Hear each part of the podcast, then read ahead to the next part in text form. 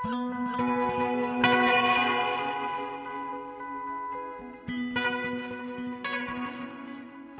sæl, kærlustendur, Jóhannes Ólafsson og Halla Harðardóttir heils ekkur hérna úr hljóðstofu Víðsjár þriðdægin 7. júni.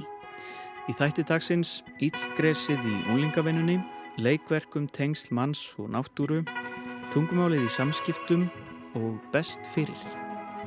Holmfríður Hafleðadóttir vann í unlingavennunni og elskaði vinnuna sína eða allt þar til hún breytist í martröð. Hún starfaði eins og flestir unglingar við almenn gardirkjustörf og vann sér svo upp í flokkstjórastöðu sem hún gengdi í tvö ár. Með tímanum fór hún upplifa eitraða stemningu þar sem meðal annars jáðarsettur hópar voru nýðurlagðir og hún sjálf lögði einelti. Komandur réttrúnaður umhverfi framsækina og fjölmenningar sinnaðra mennskelinga, eins og hún segir sjálf frá, kominni gjörsamlega í opna skjöldu að vera skemmtilega föst í ómenningu einstaklinga sem virtust ekki þurfa að bera nokkra ábyrð á hefðun sinni. Hólmfríður er í dag sviðshöfundur og leiklistarnemi sem hefur samið ásand félaga sínum, sviðshöfundunum Magnúsi Torlasíus, einleik sem byggir á þessari reynslu. Við hittum þau Hólmfríði og Magnús í þætti dagsins. Framtíðin er ekki óskrifað blað. Í sannsagna safninu best fyrir ferðast sjö höfundar, allt nemar í rittlistum tíman í gegnum heimaslátrum, átök við íslenska veðrið, skíðakennslu á Ítalíu, ómögulegar ástir, eftirparti, undarlegt háttalega konu um nótt og súran kvíða samtímans. Hvenar kemur framtíðin, hvenar er hún horfinn og orðinað fortíð, útrunnin eins og mjölk í tetrapakkferðnu á leiði brennslu oft góð lengur. Við heyrum lestur úr þessari bók hér rétt á eftir. Einnig fáum við pistil á heimsbyggilegum nótum frá Freyju Þórsdóttur. Í dag fjallar Freyja um gildi sannleikans í mannlegum samskiptum og hvernig það má nota tungumálið til að bæði rýra og auðga tengsl. En við ætlum að hefja þáttinn í Tjarnarbíói þar sem að leikverkið Hulið eftir Sigriði Ástu Olgersdóttur var frumsýnt um liðna helgi Eva Haldóra Guðmundsdóttir teku nú við. Í æsku var ég með einstaklega fjörugt ímyndunarafl. Ég talaði stöðugt við fólk sem ekki var til staðar og fannst yfirlega eins og einhver eldi mig, eins og skuggi. Ég týndi öllum sköpuðum hlutum, fjölskyldum minni til mikils ama, því hlutir hörfu statt og stöðugt í kringum mig. Amma sagði að það hlita verið einhver rekkjóttur álfur sem að væri að reyna að ná sér niður á mér þegar ég kom úlpuleus úr tíu mínútna búðarferð. Dulargáfur og það yfirskilvillega hefur alltaf hrætt mig og ég man eftir að hafa verið hilluð af álfa og draugasögum sem okkur voru sagðar á ferðalögum. Í verkinu Hölið sem frumsýnd var í Tjarnarbíu um leðna helgi er hefð yfirnáttúrulega rannsakað. Verkið er stutt og segir sögu Sigriðar Ástu Olgerstóttur, höfundar og leikonuverksins og ömmennar Sigriðar Jónsdóttur. Amma Sigriðar Ástu var næm að eigin sögn og sá margt sem aðri sáu ekki. Amma hennar elst upp undir fjallinu eins og Sigriður kallar það og segir í verkinu að fólk sem elst upp undir fjallum verði næmt á náttúruna og tengist henni djúpum böndum. Sigriður Ásta lýsir æskuminningum sínum af ömmu sinni og veru hennar hjá ömmu í borganessi. Þær eiga í fallegu sambandi og alltaf spilar nefni ömmu hennar stóra rullu í samskiptum þeirra. Hvort sem það er að hjálpa Sigriði í gegnum prófin sín eða að fá viðvarnir um að áföll séu í þann mynd að ríða yfir. Í verkinu er ekki einungis farið yfir sögu kvenna í fjölskyldu Sigriðarástu, heldur eru líka saðar álfasögur, upprunnar úr íslenskri sveitamenningu. Verkið skiptist upp í senur þar sem Sigriður segir sögur og svo senur þar sem skinnjun og tólkun eru í fyrirrúmi. Heið yfirnáttúrulega tekur mikið plás í verkinu og vinnur Sigriður ásta skemmtilega með persónulega tengingu hennar við heið dullræna. Sigriður talar beint við áhorfandan og er verkið nánast eins og sögustund en framvendu sögunar í byrjun er ábútafant. Uppröðun senana gerir það að verkum að uppbygging spennunar í verkinu er ekki nægilega góð. Frásögnin verður heldur línuleg og ekki farið á dýftina í sömum sögunum. Amma Sigriðar er í ákveðnu aðal hlutverki þrátt fyrir að vera fjárverandi. Tenging okkar við ömmuna fær þó ekki að vaksa á dapna nægilega vel.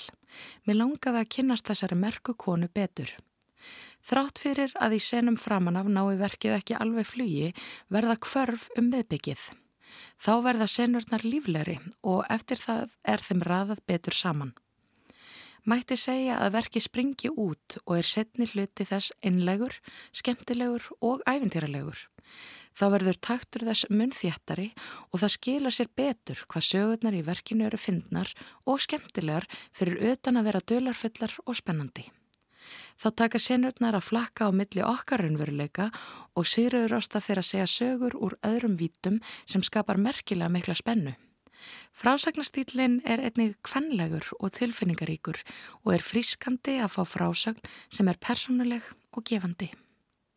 Sigurður ástæð er ein á sviðinu allan tíman. Hún er með fallega nervir á sviði og hún skín í setni hluta verksins. Í fyrir hlutanum er leikstílinn yktur en eftir því sem líður á leikritið verður framkoman einlagari og humorískari. Sigurður ástæð er nefnilega mjög hlíleg og býr til nálegð við sögurnar. Það er líka einhver lítill grallarapúki í henni sem er engar heitlandi og þegar hann fekk hann að njóta sín náði verkið að vekja kátínu. Sigriður Ásta tekur líka á erfiðum tilfinningum eins og sorg. Hún sínur okkur hreinan söknuð. Söknuð eftir tengingu við ömmu sína sem lést. Reyði hennar og skilningsleisi ekkert fjárveru ömmu sinnar er ríkjandi í huga hennar og henni þungbær. Hver sem hefur mist einhvern nákomin sér veit hversu nýstandi sársökin er við þá tilöksun að manneskjan sé manni horfin að eilifu. Búningur hennar er íbörðarlaus og einfaldur. Hún er klætt í svartar víðarböksur og svarta samfellu. Á húð hennar eru máluð lauf og greinar sem liðast upp andlitið eða læðast inn á herðablaðið. Valið var að hafa Sigriði í grunnbúning á sviðinu og það gerir áharfandan meðvitaðan um að hann sé í leikúsi og steyður við upplifinuna að hér sé um sögustund að ræða.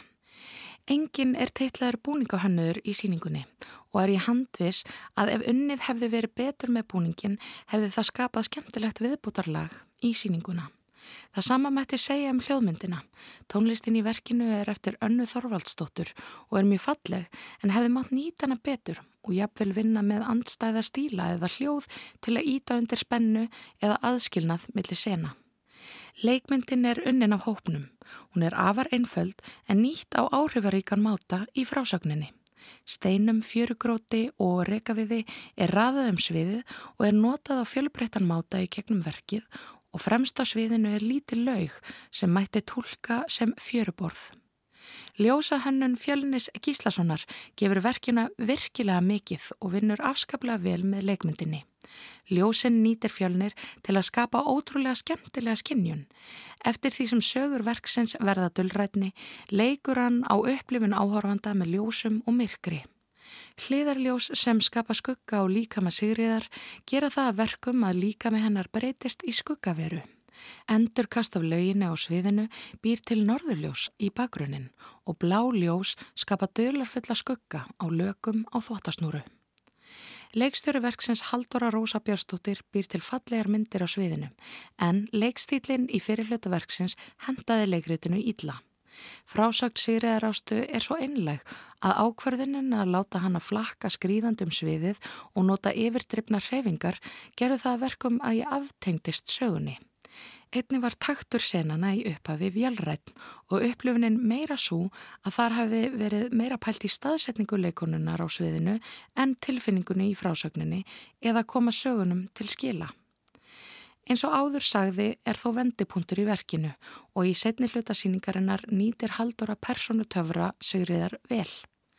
Efni viður verksins er rár og er styrkur í að fara alla leið í því fagurfræðilega séð.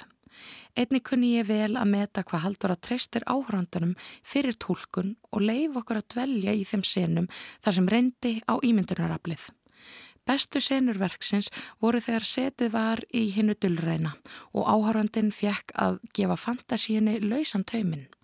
Líkt og þegar við fylgdumst með líkama sýriðarástu holdgerfast í hættulega myrkraveru og það í bland við neittna og kótróskna sviðsframkomi hennar gaf verkinu lofkraftían áhrif. Það hefði mátt stíga betur inn í þann stíl í upphafi verksins. Þrátt fyrir að vera persónuleg saga ömmu og ömmubarts rannsakar verkið þar sem við sjáum ekki og skoðar samband okkar við náttúruna. Í verkinu eru sterk tengsl við landið, umhverfi sitt og uppruna og skýrt að áhersla er lögð á tengsl kvenna við sína náttúru. Verkið tekur skýra afstöðu til þess að það sem við fáum ekki útskýrt sé stór hluti af okkar sögu og er það forvitnileg og áhugaverð afstæða. Álfasögur og frásagnir af hennu yfirnáttúrulega eiga sér langa sögu og eru fyrirferða mikill hluti af íslenskum menningararfi. Leikhópurinn vinnur skemmtilega með þennan frásagnarstýl með broti á fjörðavegnum og nótgun leikústöfra til að ebla skinnjun. Ég fagna því að á fjalletnar hafi ratað sögur íslenskra sveitakvenna í bland við hið óútskýrða. Að mér vitandi er sá efni viður og þeirra menning lítið er rannsakað á íslenskum leiksviðum. Það er mikilvægt að fá personulegar sögur á svið og að tengjast öðrum óútskýranlegum böndum. Hver einasta manneskja á sér sögu, sína einstæðu upplifun og reynslu sem aðrir geta vissulega lært af. Náinn tengsl líkt á milli ættingja eru auk þess ávalt áhugaverð uppspretta varungaveltna um það sem er hér og nú og hvernig fortíðin yðurlega stelst inn í núið og breytir. Söknuður er mögnuð tilfinning því hann er sár og erfiður en jafnframt til margs um að elskuverð manneskja sé horfin úr heimi. Það er ekki hvað síst það sem situr eftir þegar gengið er út af þessari síningu. Allar þessar stórkosluðu ömmur sem hafa lagt grunninn að verund, trú og skapgerð barnabarna sinna með sögum sínum, trú á lökkugripi, álfa, tröll og kynjaskeppnur. Eva Haldóra Guðmundsdóttir saði hér frá sinni upplifun á leikverkinu Hulið eftir Sigriði Ástu Olgersdóttur sem síndur um þessa myndir í Tjarnarbíói og það er rétt að geta þess að það eru aðeins tvær síningar eftir á þessu verki. En þá höldum við yfir í bókmyndirnar.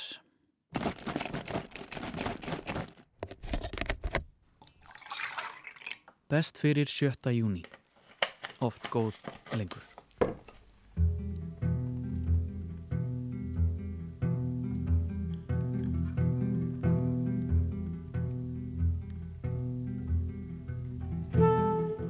Bókin Best fyrir kom út núna í lok mæ. Þetta er sannsagna eða creative non-fiction. Þetta eru skáldaðar sögur um óskáldaða hluti byggðar á reynslu höfunda eða fjalla með einum eða öðrum þræði um sanna hluti. Sjö höfundar, allt saman nemar í reitlist, eiga verk í bókinni. Stuttasögu eða sögur og þrýr rittstjórar hafa sett sitt marka á þær. Þema bókarinnar er framtíðin. Framtíðin er ekki óskrifað blað, segir aftan á kápunni. Í þessum sannsögum ferðast höfundar um tíman í gegnum heimaslátrun, átök við íslenska veðrið, skíðakennslu á Ítalíu, ómögulegar ástir, eftirparti, undarlegt háttalag konu um nótt og súran kvíða samtímans. Hvenar kemur framtíðin? Hvenar er hún horfin og orðin að fortíð? Útrunnin eins og mjölk í tetrapakk fernu á leið í brennslu en oft góð lengur. Víðsjá fekk til sín nokkra af höfundum best fyrir til að lesa valin brot úr sínum sögum. Við heyrum tvö þeirra í dag og önnur tvö í síðari viðsjárþáttum Viðsjá framtíðar.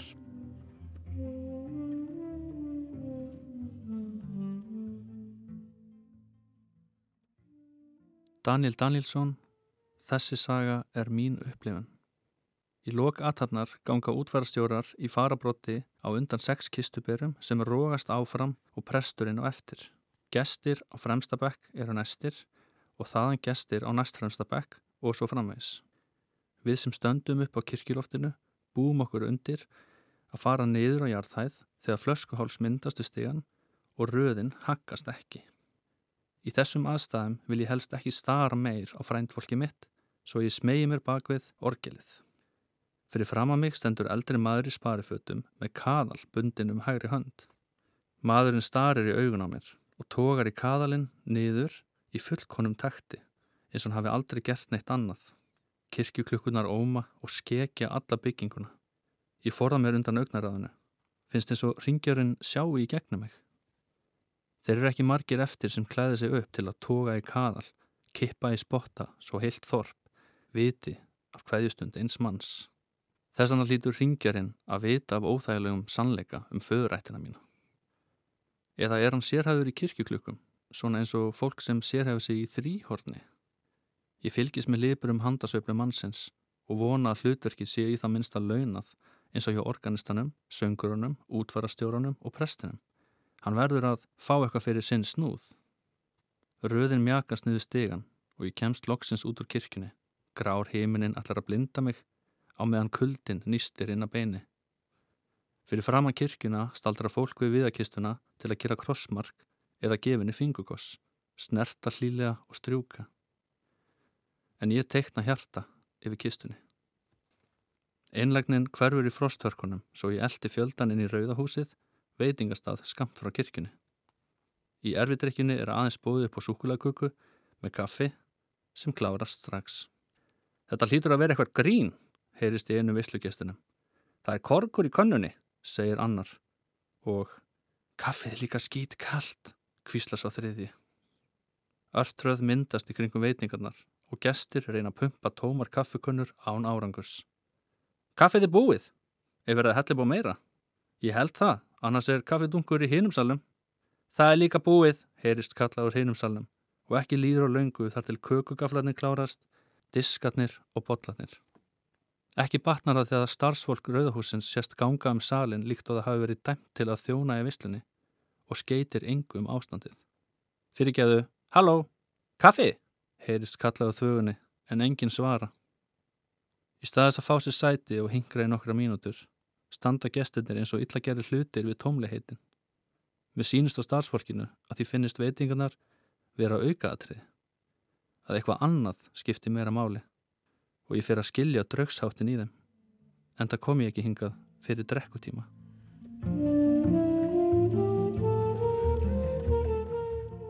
Daniel Danielsson las þarna stuttbrot úr sögu sinni. Þessi saga er mín upplifun sem finna má í sannsagna safninu Best fyrir og við heyrum brot úr annari sögu. Jóna Valborg, árnadóttir. Hvað ef ég get ekki tala við þig í framtíðinni? Ég kem á hlaupum til þín úr gardabænum í bókstafleiri merkingu. Ég er að æfa mig fyrir tíu kílometrana og finn að ég hef úthaldir að hlaupa lengra. Ég er hundvot en það hefur ringt allan tíman frá því að lagða á stað fyrir 40 mínútum síðan. Ég stoppa við bakarið á horninu, renni fingrum í gegnum blöytt hári og hrista af mér mestu bleituna þegar ég býð góðan dag. Ég kaupi hjónabansælu sem þér finnst svo góð, vínarbrauð og kleinur. Fæ póka utanum og kaupi mjölkurferður með, drýf mig af stað. Vil ná til þín fyrir klukkan fjögur, þú borðar alltaf snemma. Við ingangin spritta ég á mér hendurnar áður en ég íti á takkan á liftunni. Ég er á leið upp á þriðju hæð til þín. Ég sé þig strax þegar ég geng inn. Þú ert að horfa sjónvarpið. Ég tek utan um þig og sný mér að þér brosandi. Lift upp pókanum úr bakarínu. Þú brosir á móti. Þínu bjarta brosi. Ég tek um handfangið á stólnum og saman föru við inn í herbergið þitt. Það er hlýlegt. Lampi í horni, lampi frá ömmu. Það kemur falleg, guðleit byrta frá honum. Á vekkjum hanga myndir af fjölskyldinni, foreldrum, sískinum, börnum og barnabörnum. Þar hangi líka prófskýrtinni þitt í brúnum ramma sem ég kefti eftir að hinn eiðilaðist. Það sómi sér betur upp á vegg en einn í fataskáp. Ég stilli stólnum þínum upp fyrir framann stóran gluggan og rúla litlu náttborði á mitt gólfið. Ég tek fjólublá stúdkonu og körfi úr plasti með plástrum og livjum á borðinu og set á stól í hortni. Raða kræsingunum úr bakarín á borðið. Ég er ekki með einin hnífapur eða áhald til að skera svo ég rí vínabröði niður með höndunum, sett fjóra bit á rauðan disk sem ég finn á sjómarskengnum. Ég klýp hjónabansæluna í tvent og kleinurnar sömu leiðis. Einn kleina verður að tveimur. Ég tegi mig eftir bakpokkanum mínum og næð þar í servjettur sem ég kom með að heiman og eru frá því um jólinn. Ég legga eina í kjöldu þína. Ég sæki lítilglær plastglöss sem standa á glukkakistunni og helli mjólk í sitt gott glasið. Ég rétti þér annað glasið og við skálum á gamlum vana, þó ekki klingi í glösum eins og áður. Ég kveiki útvarpinu. Lágvart skvaldur best úr því, án þess tó að greina megi orða skil. Ég sest á rúmstokkin og rétti diskin ég átt að þér. Móðalega er þetta fínt. Já, þetta er gyrnilegt. Gjör svo vel. Ég ætla að fá mig svona. Já, hjónabansælan er alltaf góð. Mjög góð. Ég ætla að fá mig líka. Já, endilega fá þér. Stór glukkin kastar byrtu inn í líti rýmið. Það hefur stitt upp, sólinn skín, hlátur barna að leiki garðinum, best inn um opin glukkan. Við sitjum í þögn á meðan síðustu mólarnir hverfa úr höndum okkar. Viltu meira? Voðalega er þetta fínt. Já, bakari er bara hérna rétt já. Þú ert svo dugleg og góð. Er þetta nýr jakki? Já, ég var að fá mér hann. Voðalega er þetta fínt. Með þér verður tíminn annar. Verið við með góðar minningar, tölum um það sem er að gerast hér og nú, en við tölum aldrei um það sem er framundan. Ég lítnir á fætu mína og horfi á hvítu hlaupaskóna. Þeir eru slittnir og rennandi blöytir. Ég begi mig niður og losa reymatnar á skónum, fyrst á öðrum, svo á hinum. Ég breið hægri fætu undir hælin á þeim vinstri og losa skóin frá fætinum. Gerir svo eins við þann hægri. Tek skóna upp af kólfinu og set þá í pókan utan að bakar í svörunum. Ég kissi þið bless, segist koma fljótt aftur. Ég fer á sokkonum út.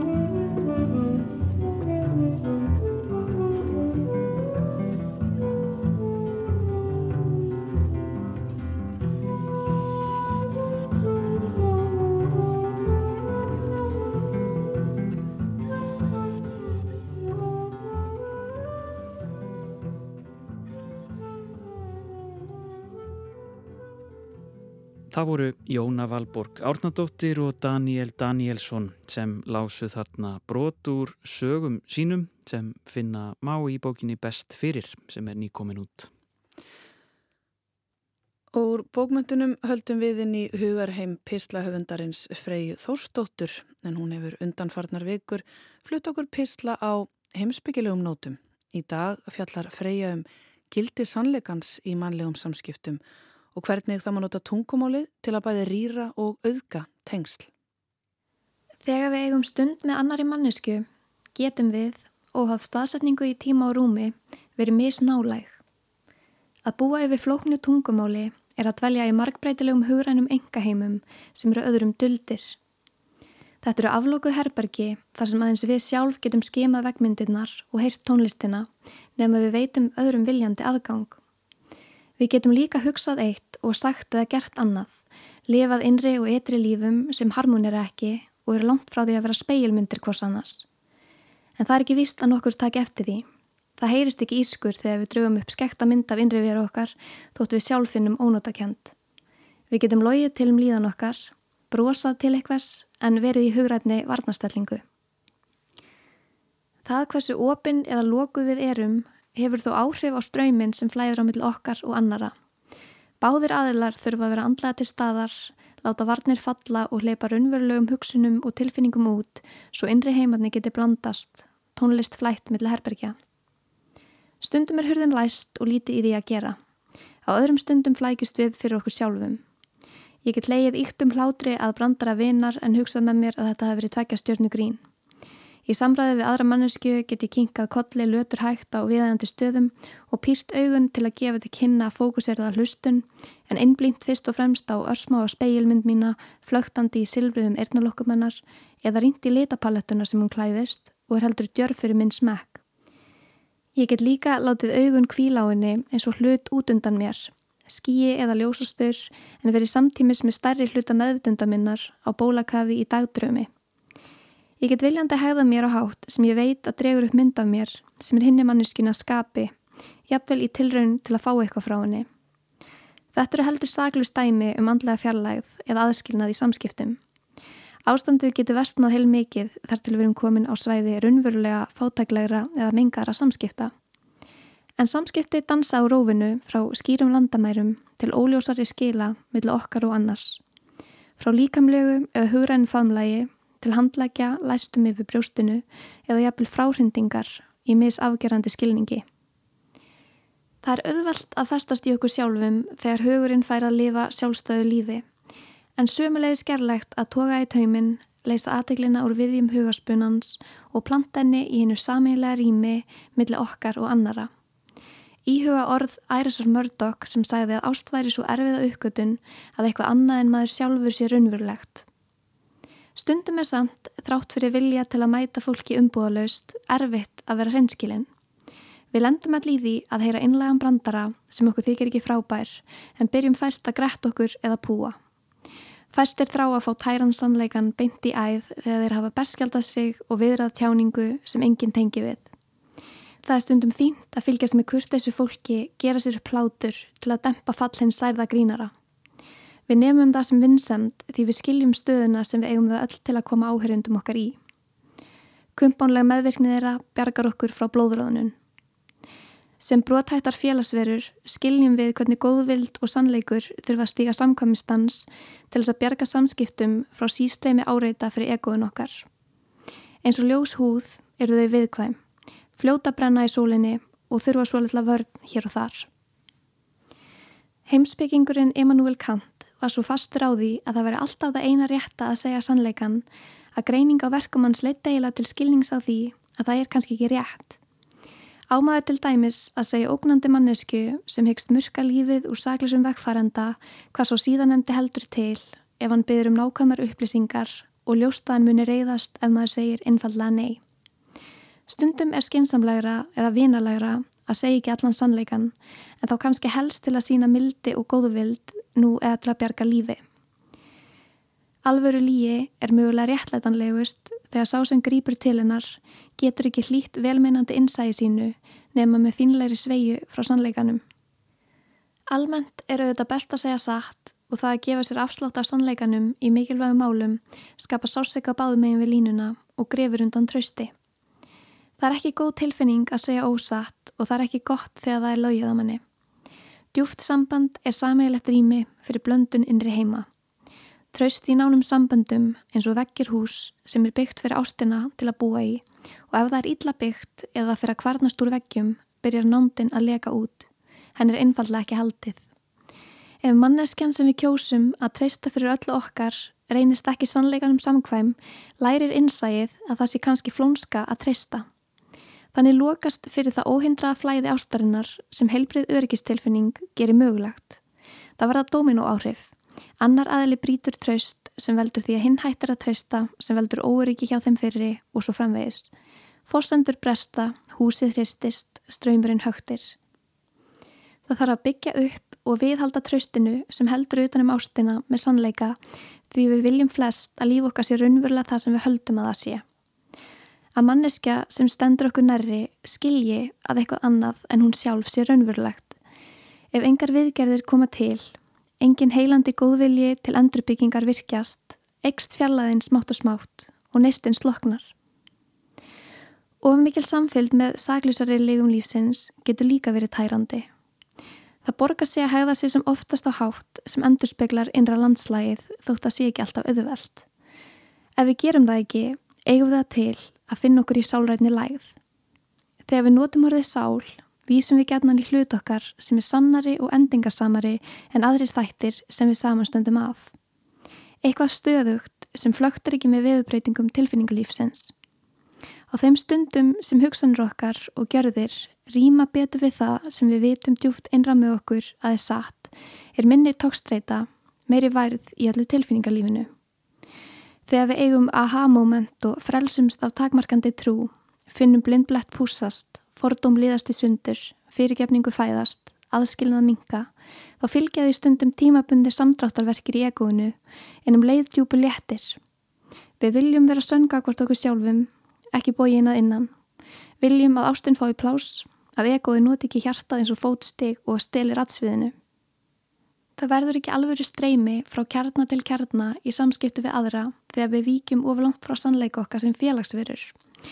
Alveg eins og kynferðislega aðlöðun veldrið í stundum að líkamar opnast fyrir hver öðrum og renna saman uppskerandi sælutilfinningar, nánd og stundum nýtt líf, þá eru sálrænt tengsl misinnileg, misfrjó. Þess vegna er einn áhugaverðasta tilneying okkar tilneying sem byrtist í yktri mynd í samfélagsmiðla menningu nútímans, hvernig við reynum stundum að lokka fólk til okkar og tengjast því á fölskum forsendum. Reynum að fá fólk til að laðast að þykjustu útgáfum á okkur því við trúum ekki að hérna raunverulegri dugi til enda öll með óttan við útskúfun og þrána til að tilhera brennumert í erðaefni okkar. Áhrifavaldar eru gómaður við að draga mittið örlítið saman, fótosjópa í burtu smá appilsunuhúð eða svitahólur Fólk á stefnumótaforritinu Tinder á það til að mætast á litlum skjám í barbídúku útgáfum og verða svo fyrir vonbriðum þegar það mætist loks augliti til auglitis í kringlunni á mánudegi með sínilega húð á ferð og æðarslátt, mannleikin óbærilega ljós. En þetta er bara gamall mannleiki í yktum 2001. aldarbúningi. Við reynum gerðnan að tengjast fólki með því að skapa yfirborð sem við höldum að muni falla í kramið og kannski eðlilega Dómharkan getur verið nærgöngul, menningin kröfuhörð. Óöryggi í bland við þrá fyrir nánd getur þannig knúið hegðun sem endra á að hindra sanna tengingu og næra tómleikatilfinningu. Það er hægt að finna til einmannakendar þótt nálað mannesku sér slík að hitin sem stafar af líkamennar dugi til að ilja manns eigin. Við getum auðvitað verið saman án þess að vera saman. Ljóðskáldið Adrian Ritz sagði að heiðarlegt samband sem gefur fólki tilefni til að nota orðið ást sé ferli, viðkvæmt, ofsafengið og oft ókveikjandi fyrir báðar manneskjur, ferli sem slýpar sannleikan sem þar geta sagt hvorannari og að slík sambönd séu þýðingamikil því þau sportna við sjálfsblekkingu og einangrun og halda utanum margbróti eðli okkar. Þýðingamikil því við getum stólað á svo fáa til þess að ganga þann gríta veg með okkur. Að búa yfir flóknu tungumáli er að dvelja í margbreytilegum hugrænum engaheimum sem eru öðrum duldir. Það er erfitt að gera sér í hugalund hversu margir þurft að láta kepplið ganga á milli til þess að tjáningamátturinn sem við búum yfir í dag gæti litið dagsins ljós. Vegna þólinnmæði forveru okkar urður hljóð smátt og smátt að orðum og setningum og loksleiri dýnamísku tjáningavít sem gerði innra lífinu kleift að leita lengra og lengra út. Tráinn til að yfirgefa hugrana engaklefana og mætast í sameilugu ytra rými hefur eflaust verið driffjöður í þróun tungumála. Í dag þurfum við ekki að gefa frá okkur óræð hljóð meðan við bendum á steina eða spreg og reynum að gera okkur skiljanleg. Við getum líst fyrirbærum eins og söknuði og þráhyggju á blæbreiðaríkan hátt, getum kröfið tilfinningarlíf og grafið eftir sameilegum gildum Við getum þó líka notað orð til að rýra merkingu og lifa í ósannari heimi en við gerðum ef við verum ennþá máleysingjar á borðu ketti eða tré. Köttur mjálmar aldrei óeinlegt og tré ljú ekki að hvert öðru. Þau senda sönnra afbóð gegnum rótarkerfi ofan í jörðinni og týn ekki æru sinni í kommentastríði eða tilraun til að gera sig löfskrúðuri með fylltar. En tríja hefur ekki heldur öðlast á gjöf að geta sami ljóð um djúbgræn löfbröð annars trías eða útskýrt í smáðatriðum hvernig því líður undir berginum. Tungumálið er mögnuð gjöf en hún nýtist jafn vel fyrir afhjúpun og féluleik, skýrleika og brenglun hvort við notum orð og tækni til að mætast í grinnri eða dýbri raunveruleika en við myndum gera án þeirra er því undir okkur sjálfum komið. Sagði Freyja Þórstóttir sem heldur áfram sínum heimsbyggilegu vangaveltum hér í Vísjó á næstu vikum. En næst er það vangaveltur um íllgresi og ómenningu en í næstu viku verður hægt að sjá einleik sem einnig er úti leikhús sem byggður er á reynslu höfundar á því að vera flokkstjóri í úlingavinnunni. Reynslan er langt frá því að vera góð því Holmfríður Hafliðadóttir, höfundur verksins á Sant Magnúsi Torlasíus og jáframt eina leikona þess upplifði ekki bara eitraða ómenningu og ítla framkomu undir manna sinna heldur var hún einnig lögð í einelti. Reynslan varð að þessu leikverki sem frumsýnt var í fyrrasumar og fer aftur í síningar í næstu viku. Halla heiti þau Holmfríði og Magnús í morgun. Holmfríður og Magnús verið velkomin í Vísjá. Takk. Takk kærlega fyrir. Hvernig þekkist þið? Uh, við þekkjum síðan í MH, við vorum saman þar. Já, mm, mikið gegnum leiklist eða ekki? Jú, saman gegnum leikfélagið. Leik, já, leikfélagið og líka leiklista tíma eða ekki, mm -hmm. okkur svo leiðis. Mm -hmm. uh, Kynnist í gegnum það og verðum svona perluvinir. Já, og Maggi er sem sagt fór í sviðsefindana og ég fór í leikaran -hmm. og mhm. hann var reyndar komin á annað ár, ég, nei, þriði ár þegar ég kem inn í skólan. Já en ég fekk að taka þátt í einu verki sem hann setti upp sem var lungun eftir Duncan Macmillan, er það ekki? Jú, þetta var eitthvað verkefni í skólanum að setja þetta upp og hérna hann er við um unni saman og hérna og, og þekst í þó nokkun mm. tíma. Mm. Perluvinir og samstagsfélagar mm -hmm. Segið mig frá flokkstjórunum Já, ég kom til Magga í fyrra og spurði hvort hann vildi sækja með mér um í hérna skapið sumastörum í uh, af því ég var með hugmynd um að uh, setja upp verk einleik úti og var búin að finna stað í Vassendanum sem er svona eins og lítir ringleikahús og, uh, og ég er sem sagt, hef þá reynslu að hafa verið flokkstjóri tvö sömur í úlingavinu og er með margar hérna ræðilega sögur í pókanum og ég segi bara við Magga viltu gera þetta verkefni með mér? Og hann veit ekkert af þessum sögum en hann samþykir það. Og við fáum starfið og síðan bara fyrsta daginn í vinnunni þá erum bara já og hvað kom eða fyrir? Og þá hófst hérna eh, svona sálfræði hérna, tímar hjá mér og Magga þar sem ég var bara að hella úr, úr þessu öllu og fara yfir þetta og, og rifja þetta upp eh, af því að, og það var mjög heilandi þó að hérna, maður vilji ekki kannski alltaf að, hérna, að tráma svona uh, droppa á fólk en, en það var mjög heilandi að fara í gegnum þetta og ég fattaði að ástæðan fyrir því að ég var til dæmis ekki alveg búin að vinna úr þessu eða, eða klára þetta var að því ég vissi að ég myndi eitthvað tíman þurfa að vinna með þetta. Af því þetta var svo ótrúlega mikið að efni og þetta er svo, þetta voru svo merkilega sögur af því að það sem ég lendi í raun og veri í er að ég vinn á, á sama vinnustad í fimm ár. Þetta er suma að vinna fyrir úlinga og þetta er lokaður staður þannig þetta er ekki svona eins og hjá bænum uh, heldur er ég að vinna með sumikrökkum og þessi, þessi sumarvinna fer úr því að verða skemmtilegast það sem ég gerir, bara ég hlakka til að mæta í vinnuna á hverjum degi í bara algjöru martruð og ástæðin fyrir því og, og það sem við eitthvað náðum að, að kjarna í okkar vinnu er bara að hérna, það, það koma svona nokkur vondepli, þú veist ekkert vondar manneskjur en svona erum með slæma hegðun sem fær að viðgangast og þetta smitar svona ótrúlega mikið út frá sér að heil vinnustæður uh, bara súrnar og skemmist og það verður bara hrikalega eitruð menning þar sem krakkarnir leifa sér að tala bara ógíslega við hvert annað nýðast á jæðarsettum hópum og uh, leggja mig og fleiri í einelti. Og ég held að ég hafi svona lengt öruglega vest í því sem kom mér svolítið óvart af því ég hef alltaf verið frekar góð í, í félagslegum samskiptum og ég held að ég væri svona skotelt í gegnum lífið og síðan er ég bara átjanara, orðin flokkstjóri og ég þarf bara að bæja frá mér því líkt miklu bara áreiti og ofbeldi og af því að þetta er einhvern veginn í úlingavinnu og, og reyndar af því að þetta er svona að smá öðruvísi þá voru þetta krakkar sem voru alveg aldrei við mig. Ég er þarna 18 ára flokkstjóri yfir 17 og 16 ára krökkum þetta er ekki eins og þetta hafi bara verið 13 ára Varst þú flokkstjóri frá byrjun eða hafður þið kynst þeim áður? Ég hafði kynst þeim áður uh, og ég var bara vennjulegu sumastarfsmæði þrjú sumur og síðan var ég flokkstjóri fjórðarsumur mitt þannig ég þekkti þau smá uh, en síðan náttúrulega kom alltaf nýjir inn og þetta var sko 15 til 20 ára aldursópur Já, mm -hmm. Magnús, getur þú aðeins sagt okkur frá þessum sögum sem að Holmfrið deildi með þér og hvernig þér varð við?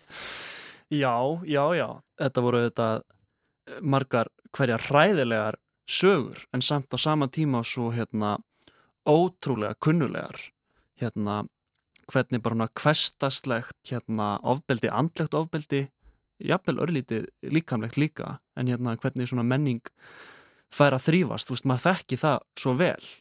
Þannig að þegar við ætlum að setja það saman í eitthvað leikri þá þurftum við ekkert að vera sko að breyta því eða bæta við þurftum kannski bara að velja hvaða sögur og hvar við þurftum að einfalda eitthvað svoleiðis, við þurftum aldrei að búa neitt til eða leggja orði munn úlingana eitthvað svoleiðis. En ég er náttúrulega nálgast sko uh, sögurnar og hérna allt sem Hólfrúður segir mér ég segja leikstjóri já, eða hérna leikskáld við bæði. Við skrifum svo verkið saman út á þessum sögum. En ég hérna set bara síman á borðið og tek upp og Hólfrúður er bara að tala og ég er að spurja hana úti og við hefum gert svipað inn á minu áður sko.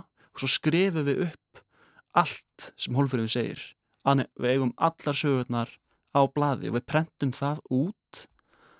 Og svo erum við með allar þessar sögur útprentaðar orðiréttar úr munni hólfriðar, við erum að klippa það til og reyna að flokka í einhver þemu og reyna að skipta þessu upp hérna. Við erum að flokka hérna allt sem tengdist hérna einhverju ómenningu var kannski einu flokki, allt sem tengdist í að vera flokkstjóri eða sumastarfið og allt sem tengdist hérna þessu var hér og við reyndum að ræða þessu og gera þetta svona skýrt og við nálgumist, nálgumist svona sögurna mjög skilvirt og svona svolítið kassalaga sko mm -hmm. þannig að sögurna sjálfar þær eru svo dýnamískur og djúpar og, og mikil tilfinning þannig að við gáttum svona uh, já, tekið alla sögurnar alveg slitiðari sundur og settar svo aftur saman mm -hmm. inn í svona einhverju leikrita formi þar sem við náum að skapa einhverja svona framvindu sem er byggð á reynslu hólfyrjar en er ekki endilega bara frásögn hennar í tímaröð að búa til leiksýningu. Það var í raun og veru svo hjálplegt að hafa maggaðna til þess að þetta hérna, brjóta þetta upp af því þetta á ekki að vera skýrsla þetta á ekki að vera ég að standa þarna sem með þólandi einhvers eineltis og hérna og allir ég að vorkina mér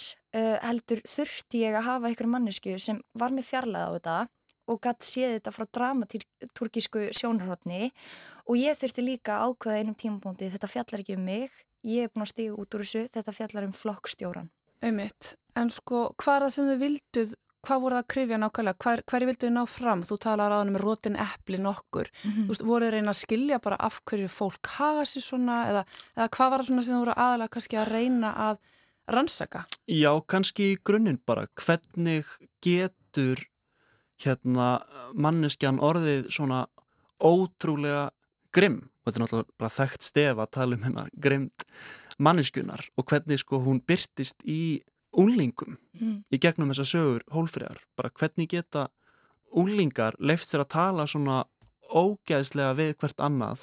Uh, það er klálega rannsóknarætni sem við vorum hérna að taka fyrir. Mm. og hvenar hætta úlingar að vera börn sem þurfu ekki að bera ábyrð á því sem þau gera? Og hvenar verða úlingar fullortnir einstaklingar sem þurfu að taka afleggingum gjörða sinna. Þetta er mm. svo óskilgreindur hópur sem kannski kemst upp með uh, mjög slæma hægðun sem er alveg hægt að tólka sem ofbeldi og er ekki, svona, er ekki látin bera ábyrð á gjörðun sínum. Þannig það er líka uh, rannsókn sem við vildum reyna að ná utanum að afhjúpa því svo erum við með flokkstjóran sem hefur engin raunveruleg völd í rýmunu. Þetta er jafnaldri sem hefur hins vegar ábyrð, mm. sem hefur ábyrð á hópnum en hefur engin völd til að framfylgja eða láta krakkana í úlingavinnunni bera ábyrð á sínum gjörðum. Mm -hmm. Já, og ég líka af því að eftir að hafa unnið þarna, ég var í MH, ég var í, í búblu, bara pjessi búblunni, aðal pjessi búblunni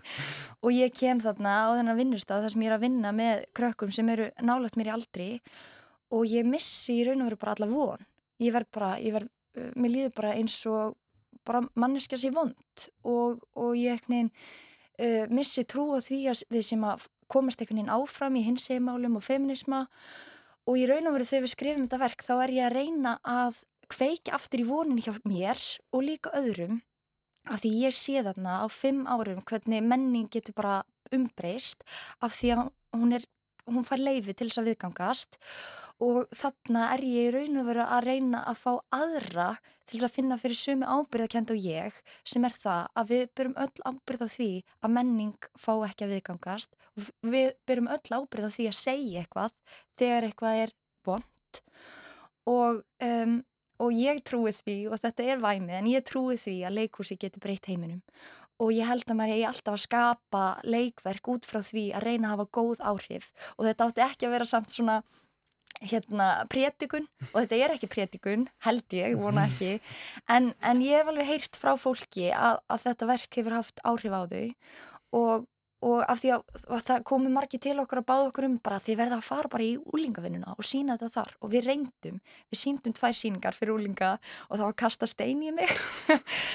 Og hérna af því, að, af því að og við föttum þarna, þetta er akkurat ég, var, ég setti sjálfa mig aftur í aðstæðuna sem ég er að tala um í verkinu sem er að ein manniski að bera ábyrð á á öllum úlingum í staðin fyrir að tala til þeirra sem að allir byrja ábyrða því, foreldrar, kennarar, við sem mm -hmm. samfélagið og við skrifum þetta verk þegar það er mikill uppgangur í sko hatri gegn hins einn fólki og er ennþá, það hefur orðið mikið bakslag og ég sá það bara gera staðu sem vinnustad að bara það var ekki, fjölbreytileiki var slæmur, það var gert grínaði og það var gert lítið úr því og og það þorði enginn að segja neitt af því að það vildi enginn enda eins og ég sem var mhm. svona bara mm -hmm. löði einelti, þarf að viðkynna það leðilegt, en það var löði einelti af úlingum Já, rættuði verkið við uh, viðfangsefnið þess eða þú veist, rættuði verkið við krakkana sem voru í vinnunum með þér eða buðið þeim á síninguna? Heyrðu, við buðum ekki, við gerum það reyndar ekki. Uh, ég var allan tíma svolítið kvíðinn því að þau myndi koma og það var partur af því af hverju hérna, ég þurfti að fjarla sjálf um mig frá verkinu og leifa þessu að vera bara flokkstjórin. Af því að, af því ég var svo hrætt um að þau myndi koma og vera eitthvað, heyrðu, þetta ekki, var ekki alveg svona eða eitthvað svona, já, ég sagði ekki þetta, eitthvað svona. Mm -hmm. þannig, já, ég var alltaf hrætt um það en mig grunaði að myndi eitthvað tíman gerast og fyrir lokasýningun okkar þá fórum við í viðtal og vísi þar sem ég er aðeins að tala um þessa ómenningu og koma með dæmi sem ég kem með í, í leikritinu og, og bara svo að sé tekið fram að allt sem er sagt í leikritinu og gert það sem krakkandi gera er satt. Og okkur fannst það mjög mikilvægt að við varum ekki að búa eitthvað til af því að þeirra gjörðir standa fyrir, þau verða að standa fyrir sínu. Og við getum ekki verið að búa til eitthvað á úlingar vera ljótir og við hvern annan Þannig það var mikil kvíði fyrir því að þeim myndi koma. Og síðan sér satt frétt ég það að þetta viðtali vísi hefur farið í dreifingu meðal hérna gamra, gamra hérna, vinnufélaga sem er ennþá að hittast. Og það lætur, einn stelpa lætur mig vita hérna, að það er verið að tala mikið um þetta.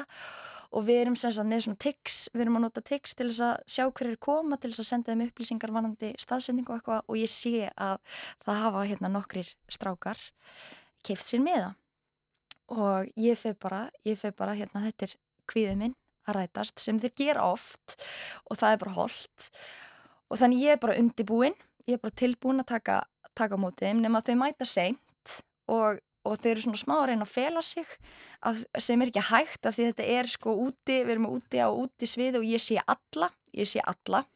Uh, og þau koma þarna og eru svona smá að reyna að fela sig og ég raun og veru hérna bakfæjar þetta plan þeirra að slá af læginu af því að hérna, þau þurfa bara að hlusta mig í 40 mínútur tala um, um, hérna, um þau eða svona hægðin þeirra og, og, hérna, og það eru 50 manns þarna sem eru bara, þú veist sammála mér að þessi hægðin sé ekki góð.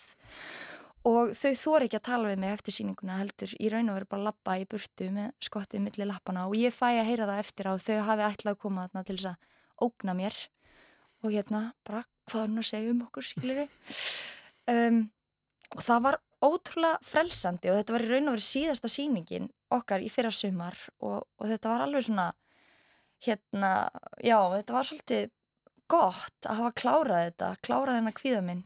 Svona katharsis. Algjör, algjör fyrir mig bara sem leikonu.